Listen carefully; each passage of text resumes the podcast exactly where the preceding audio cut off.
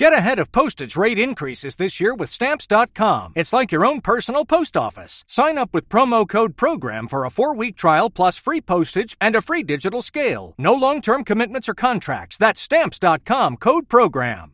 אתם עם SBS בעברית. Shalom, Amit. Uh, so, uh, here are the main headlines of the Jewish news this week. Obviously, the big story that everyone's talking about is the passing of the reasonableness legislation in Israel and the ripple effects that is having. Um, we have seen amazing pictures of protesters marching to Jerusalem, protesters outside the Knesset, outside the High Court. It's really been amazing to see the amount of people with their flags and just the passion that they have for Israel. Uh, and I might add the the anti-overhaul protesters, um, as well as the pro-overhaul, um, although they disagree, you can see that they share a passion uh, for Israel and they share a respect. There were some amazing scenes in the uh, Yitzhak Navon train station in Jerusalem of the protesters coming up and down the escalators and showing nothing but respect to each other despite their differences. But despite all that, obviously there um, there are fraught days ahead with the passing of this legislation. Stocks are down, the shekel is down. There are schisms in Israeli society, and of course, uh, we look on from here with concern. Uh, the Jewish community here, we love Israel. We're behind Israel 100%. We want to see Israel prosper. Um, so obviously, we're, we're looking very closely at what's going on and hoping that they find a way to come together, to compromise, uh, and to uh, find a way forward, basically. So um, I guess that's the big story this week. So, on this week's edition, we can expect few pages on that topic, correct? That's right, yeah. So, um, quite a few pages in the paper on it, including the local reactions from Jewish organizations here, um, the effects of it uh, within Israel as well, in terms of the economy, in terms of security, in terms of uh, international relations, the reactions from America and abroad. Uh, we've got it all in, in, the paper this week. So, um, and obviously check out, keep checking our website for updates on it as well as things happen, and as more insight comes to pass on, on what this all means. And you can read more about it on this week's edition. And moving on to other main stories. And finally, a sentencing date to Malka Leifer. Yeah, so uh, on the local front, I guess uh, a couple of the bigger stories. We've got, uh, we now have a sentencing date for Malka Leifer. So she'll learn her fate on August 24th at uh, the Melbourne uh, Magistrates Court. We'll be uh, looking sorry, in the County Court of Victoria, rather. Uh, so we'll be obviously tuning in with interest to see what the result is there. Obviously, this has been an issue which has been ongoing for around 15 years since she first uh, left Australia. Um, through all the attempts to bring her back, through the process of extradition, getting her back to Australia, the trial, uh, the verdict, and now uh, it will all culminate, I suppose, on August 24. So that's one to keep an eye on. Um, in other local news, I guess we've got uh, the Executive Council of Australian Jewry has uh, partnered with six other major worldwide Jewish organisations for a new anti-Semitism task force. Um, and I'm sure, as you know, anti-Semitism around the world is uh, sadly only becoming more of a problem. So um, it's good news that um, the ECAJ has joined up with uh, organisations in the United States, Canada, UK, France, Germany, and Argentina uh, to tackle this challenge together. The Jewish people are always stronger together, uh, so hopefully this will um, make a difference in that global fight against anti-Semitism. Obviously, the Jewish News has lots of stories about anti-Semitism, and almost every week we hear about incidents in our community. Do you find that the Australian Jewish News dedicate more on this topic lately, especially in the last two or three years? Well, sadly, we do. Um, it is a increasing phenomenon around the world. I don't believe that the situation is uh, chronic. There's not an anti Semite waiting around every corner ready to pounce. We're not quite there yet, uh, Amit. But I mm. think it is increasing steadily around the world, both from the right and from the left. And it's something we need to keep on top of. We need to keep educating the wider public. We need to keep finding allies in the wider community um, and just you know, advocating on behalf of our community to quash this this scourge, I suppose you'd call it. Mm, yeah, so true. It's all about educating others. That's what it's all about. Let's hope for the best. All right, let's move on to other stories. What else is making headlines this week, Gareth? Yeah, okay. So um, in Melbourne, uh, St Kilda Shul had a very special visitor at its uh, Shabbat morning service uh, last Saturday, and that was Premier Daniel Andrews, who is no stranger to St Kilda Shul, having attended there a couple of times, but I believe this is probably the first time he attended a Shabbat morning service and the Kiddush after the service as well.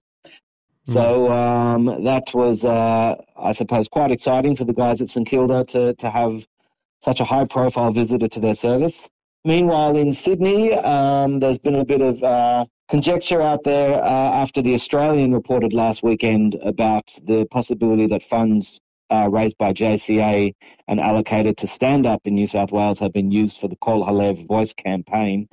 The JCA have clarified that that is absolutely not the case. Uh, every dollar that they allocate to their organ- constituent organisations is audited and checked. It goes to specific programs, so not a single dollar from JCA, who do not get involved in political campaigns either for or against. Um, not a single dollar from JCA has gone to that. So hmm. um, that was an important thing that uh, we've clarified this week after the Australian, I suppose, carried a story which had not been terribly well verified, I suppose mm. you would say. Yeah. Other uh, news uh, in Mizrahi, uh, in Melbourne, Mizrahi, there's a challenge for the elections down there.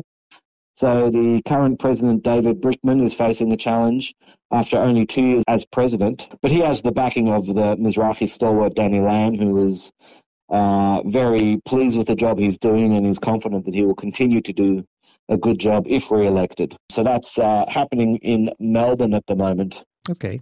Yeah, in other news, the ECAJ has um, given a submission to a federal counterterrorism inquiry into Nazi symbols, uh, indicating that banning just the two symbols, that is the Hakenkreuz and the SS symbol, is too narrow.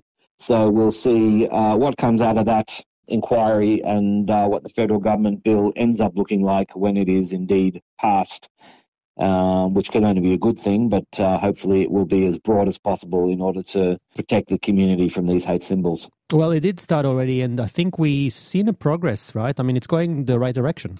That's right. Um, I think there's definitely momentum behind it now, particularly after uh, Victoria first was the first to uh, ban Nazi symbols, followed by New South Wales, and I believe several other states have legislation uh, in advanced stages at this point uh, to do the same.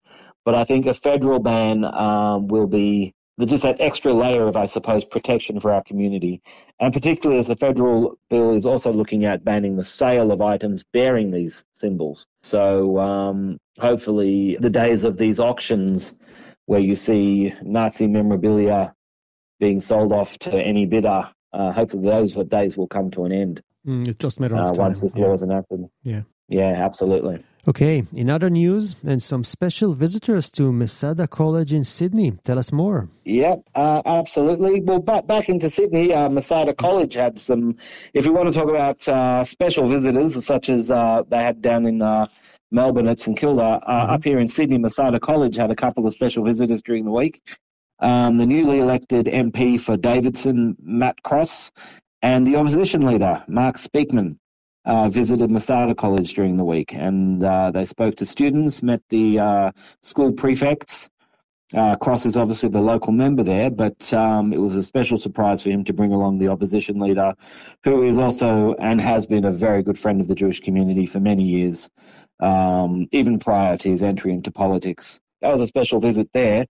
Um, the other thing that happened uh, all around Australia uh, over the last week and a bit uh, was uh, the J'Accuse screenings and panels. Uh, we had our journalist Peter Kohn attend the Melbourne screening with uh, the activist Grant Gochin, um, the filmmaker Michael Kretzmer, and Sylvia Foti, who is a American journalist who discovered that her Lithuanian grandfather was actually a Nazi collaborator. Mm. Um, so, as you may know, there's been um, a lot of efforts for some of these countries in Europe to change, attempt to change the history of how they behaved during the Shoah, um, and Lithuania being one of those. And this film is basically uh, an expose of uh, what actually did happen mm. during the Shoah and the role that Lithuania played. Um, so there was a screening of the film, there was a panel discussion. Um, that happened all around the country, but uh, we had our journalist Peter there. and there was some very robust uh, discussions on the issue uh, at that event. Yeah. So, um, and that's covered in this week's paper as well. So, and that's covered in the Sydney and Melbourne editions this week. Nice. Okay, let's move on to sports now. Any good news with uh, sports? Yeah, absolutely, absolutely. So, um, in some uh, very good news, um, young uh, soccer player Jake Girdwood-Reich has uh, earned another three-year contract with um, Sydney FC A League Football Club. So it's good to see our young sports people, um, you know, achieving and, and going places in the world of sport, which is fantastic. Up in Brisbane, Ashley Werner made her debut in the NRLW, so that's the National Rugby League Women's uh, competition for the Brisbane Broncos.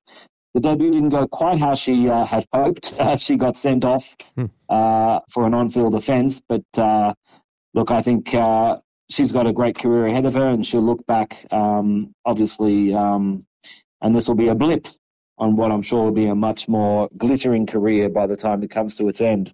Mm. Um, so that's uh, yeah, not the debut she wanted, but uh, we have we have high hopes for her to achieve a lot more. Great. Okay, to finish off, um, let's talk about Rosh Hashanah. Now, I know that Rosh Hashanah, the Jewish New Year, is uh, still two months away, but tell us about your upcoming competition for Rosh Hashanah. Uh, yeah, I mean, one, one thing I'll say in the coming weeks, we're going we are going to be launching our Rosh Hashanah card competition.